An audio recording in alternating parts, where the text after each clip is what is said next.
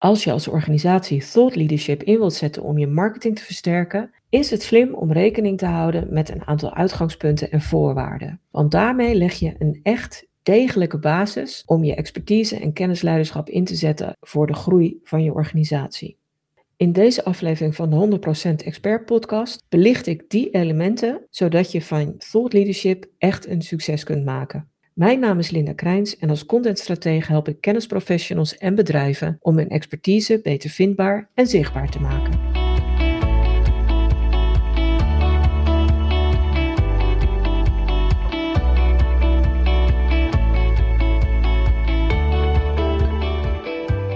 Thought leadership nastreven betekent dat je gericht werkt aan het opbouwen van je invloed en reputatie. En dat begint eigenlijk met de vraag of je als bedrijf of organisatie wel echt aan thought leadership kunt werken. Of zijn het de mensen in je organisatie die daar uiteindelijk voor zorgen? Ik denk dat het laatste het geval is. De mensen in je organisatie helpen je om thought leadership te bereiken. Niet jij als entiteit, organisatie op zich. Dat neemt niet weg dat je als organisatie wel stappen kunt zetten om dat A te faciliteren en B als hoofdeigenaar of mede-eigenaar gezien te worden van de invloed die je mensen hebben weten te realiseren. En de stappen die je daarvoor nodig hebt, die licht ik in deze aflevering verder toe. En de eerste stap die je in mijn ogen zou moeten zetten, maar onderzoek laat het ook zien, is dat je je team, je collega's, je medewerkers in de spotlight zet. Want zodra organisaties afzender zijn van communicatie, maken ze zichzelf eigenlijk anoniem en abstract. Er wordt gecommuniceerd vanuit een afdeling, zoals een sales- of klantenservice, of er wordt gecommuniceerd vanuit het bedrijf als geheel. En voor een deel van de communicatie kan dat natuurlijk heel toepasselijk en relevant zijn. Maar als je expert content gaat delen, is dat niet zo heel handig. Dan wil je eigenlijk dat de interne expert als afzender naar buiten treedt. Dus een menselijke expert en niet een abstracte entiteit als een organisatie. En zet je bijvoorbeeld bij een artikel op een blog niet de bedrijfsnaam neer als auteur, maar de naam van de expert in kwestie. Want mensen zien een medemens eerder als expert en geloven die eerder dan een toch abstracte entiteit als een organisatie of bedrijf. En ook op andere plekken laat je dus medewerkers als expert naar voren treden. Als spreker, als iemand die door media geïnterviewd wordt en op social media bijvoorbeeld. Tweede element of tweede stap waar je aan moet denken is dat je heel bewust kiest voor de lange termijn. Thought leadership vraagt echt om een lange termijn visie en bijbehorend commitment. Zorg daarom dat je een contentstrategie formuleert die ten dienste staat van het etaleren van je expertise en het bouwen aan een reputatie of status als kennisleider. Dus wel op het fundament van al die experts die je in huis hebt. Voor je contentstrategie betekent het dat je consistentie nodig hebt. Consistentie in onderwerpen die hiervoor geschikt zijn, formats die zich lenen om je kennis duidelijk en snel te consumeren door je doelgroep en consistentie in de frequentie, in het publiceren van content die aansluit bij je doelgroep en bij jouw interne mogelijkheden om binnen die frequentie ook echt content van hoge kwaliteit te leveren. Dat laatste vraagt jou als organisatie dat je het doen van onderzoek voldoende faciliteert of voldoende investeert in de innovatie die van thought leaders verwacht wordt. En dat brengt me dus ook meteen op de derde punt, derde element. Je hebt unieke visie en inzichten nodig. Dus daarom noemde ik ook net het onderzoek en die innovatie, want die heb je nodig om unieke en vernieuwende inzichten, concepten, methoden, onderbouwde meningen te kunnen delen.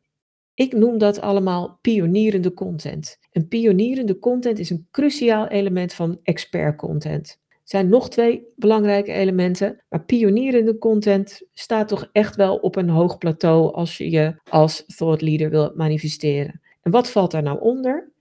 Eigen onderzoeksdata, of als je die niet hebt, onderzoeksdata van derden die je zelf bij elkaar brengt en combineert. Vaak kost het ook een investering in tijd, geld of middelen nieuwe combinaties van kennis. Bijvoorbeeld omdat je twee verschillende vakgebieden samenbrengt tot een nieuw geheel. Of omdat je in het ene vakgebied elementen of modellen uit een ander, totaal ander vakgebied haalt. Die in, dat, in jouw eigen vakgebied ineens een hele nieuwe betekenis kunnen creëren.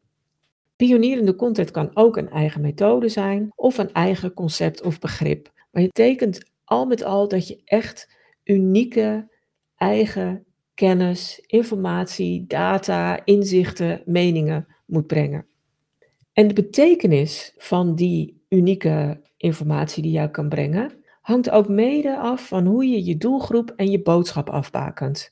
En veel organisaties hebben de ambitie om als de expert in hun vak of branche gezien te worden. En dat maakt het noodzakelijk om goed te kijken op welk terrein jij of jouw organisatie nu echt uitblinkt. Ook in vergelijking met concurrenten en ook in vergelijking met andere partijen waarvan je constateert dat zij ook als kennisleider in jouw vakgebied of branche gezien willen worden. En kies je jouw terrein te breed, dan maak je het jezelf allereerst moeilijk om boven anderen uit te stijgen. Want het vraagt bijvoorbeeld veel grotere investeringen in onderscheidend gedachtegoed en om die ook weer breed uit te dragen. Maar waarschijnlijk heb je dan ook te maken met één of meer concurrenten die al een gevestigde positie hebben. En niches zijn dan interessanter dan een breed terrein, omdat ze niet alleen haalbaarder zijn, maar ook duidelijker. Bij een afgebakend terrein, thema of onderwerp heb je een specifieke publiek dat je meestal ook gerichter kunt benaderen. En het is eenvoudiger om, het, om hen met de juiste boodschappen en verhalen te laten zien en te overtuigen, te beïnvloeden dat jij op die specifieke niche de absolute expert bent en dus als een thought leader gezien mag worden. Ja, en het vijfde element klinkt misschien niet heel erg verrassend, maar dat is dat je zorgt voor een heel goed, duidelijk podium. Je podium kan niet groot genoeg zijn als je in thought leadership wil investeren. En dan gaat het natuurlijk om eigen middelen. Denk dan aan een blog, kennisbank op je website, een podcast, YouTube-kanaal, social media content of mogelijk zaken als een boek of een e-book, misschien een magazine, een webinar. Kan van alles zijn. Dat zijn je eigen middelen en kanalen die je helemaal in eigen beheer hebt. Maar kijk zeker ook naar middelen die buiten je eigen beheer liggen. Bijvoorbeeld omdat je elders de gast bent als spreker, gastblogger of als een geïnterviewde expert in een podcast of in een ander medium, PR bijvoorbeeld, die zijn ook belangrijk. Want daarmee boor je steeds nieuwe mensen aan die jou op, op een bepaald moment ontdekken. En die gaan ook ontdekken dat jij andere of betere expertise te bieden hebt dan de andere partijen die ze al kennen. Dus al met al zijn dat vijf elementen die je kunnen helpen om een vliegende start te maken als je thought leadership wil inzetten als marketinginstrument of marketingstrategie. Maar ze kunnen je trouwens ook helpen om een traject dat nog niet helemaal naar wens loopt, weer vlot te trekken. Juist omdat je aan de hand van deze vijf elementen kunt bekijken waar je misschien nog niet helemaal de juiste weg bent ingeslagen of waar je nog niet helemaal de juiste inzet hebt getoond. En zo kun je met deze vijf elementen voorwaarden, noem het wat je wil, toch goede stappen zetten om te bouwen aan een status als thought leader. Dankjewel voor het luisteren. Heb je een handige tip of inzicht opgedaan? Deel de podcast dan met iemand anders voor wie het interessant kan zijn of laat een waardering of review achter. Wil je meer weten en gericht bouwen aan je expertstatus? Op mijn website help ik je met veel plezier op weg. Met blogs, checklists en stappenplannen bijvoorbeeld maar ook met online masterclasses, één op één marketing power sessies en met de expertkring. Het traject voor wie wil groeien als expert en kennisleider. Je vindt het allemaal op stroop.nl en ja, stroop schrijf je met dubbel S.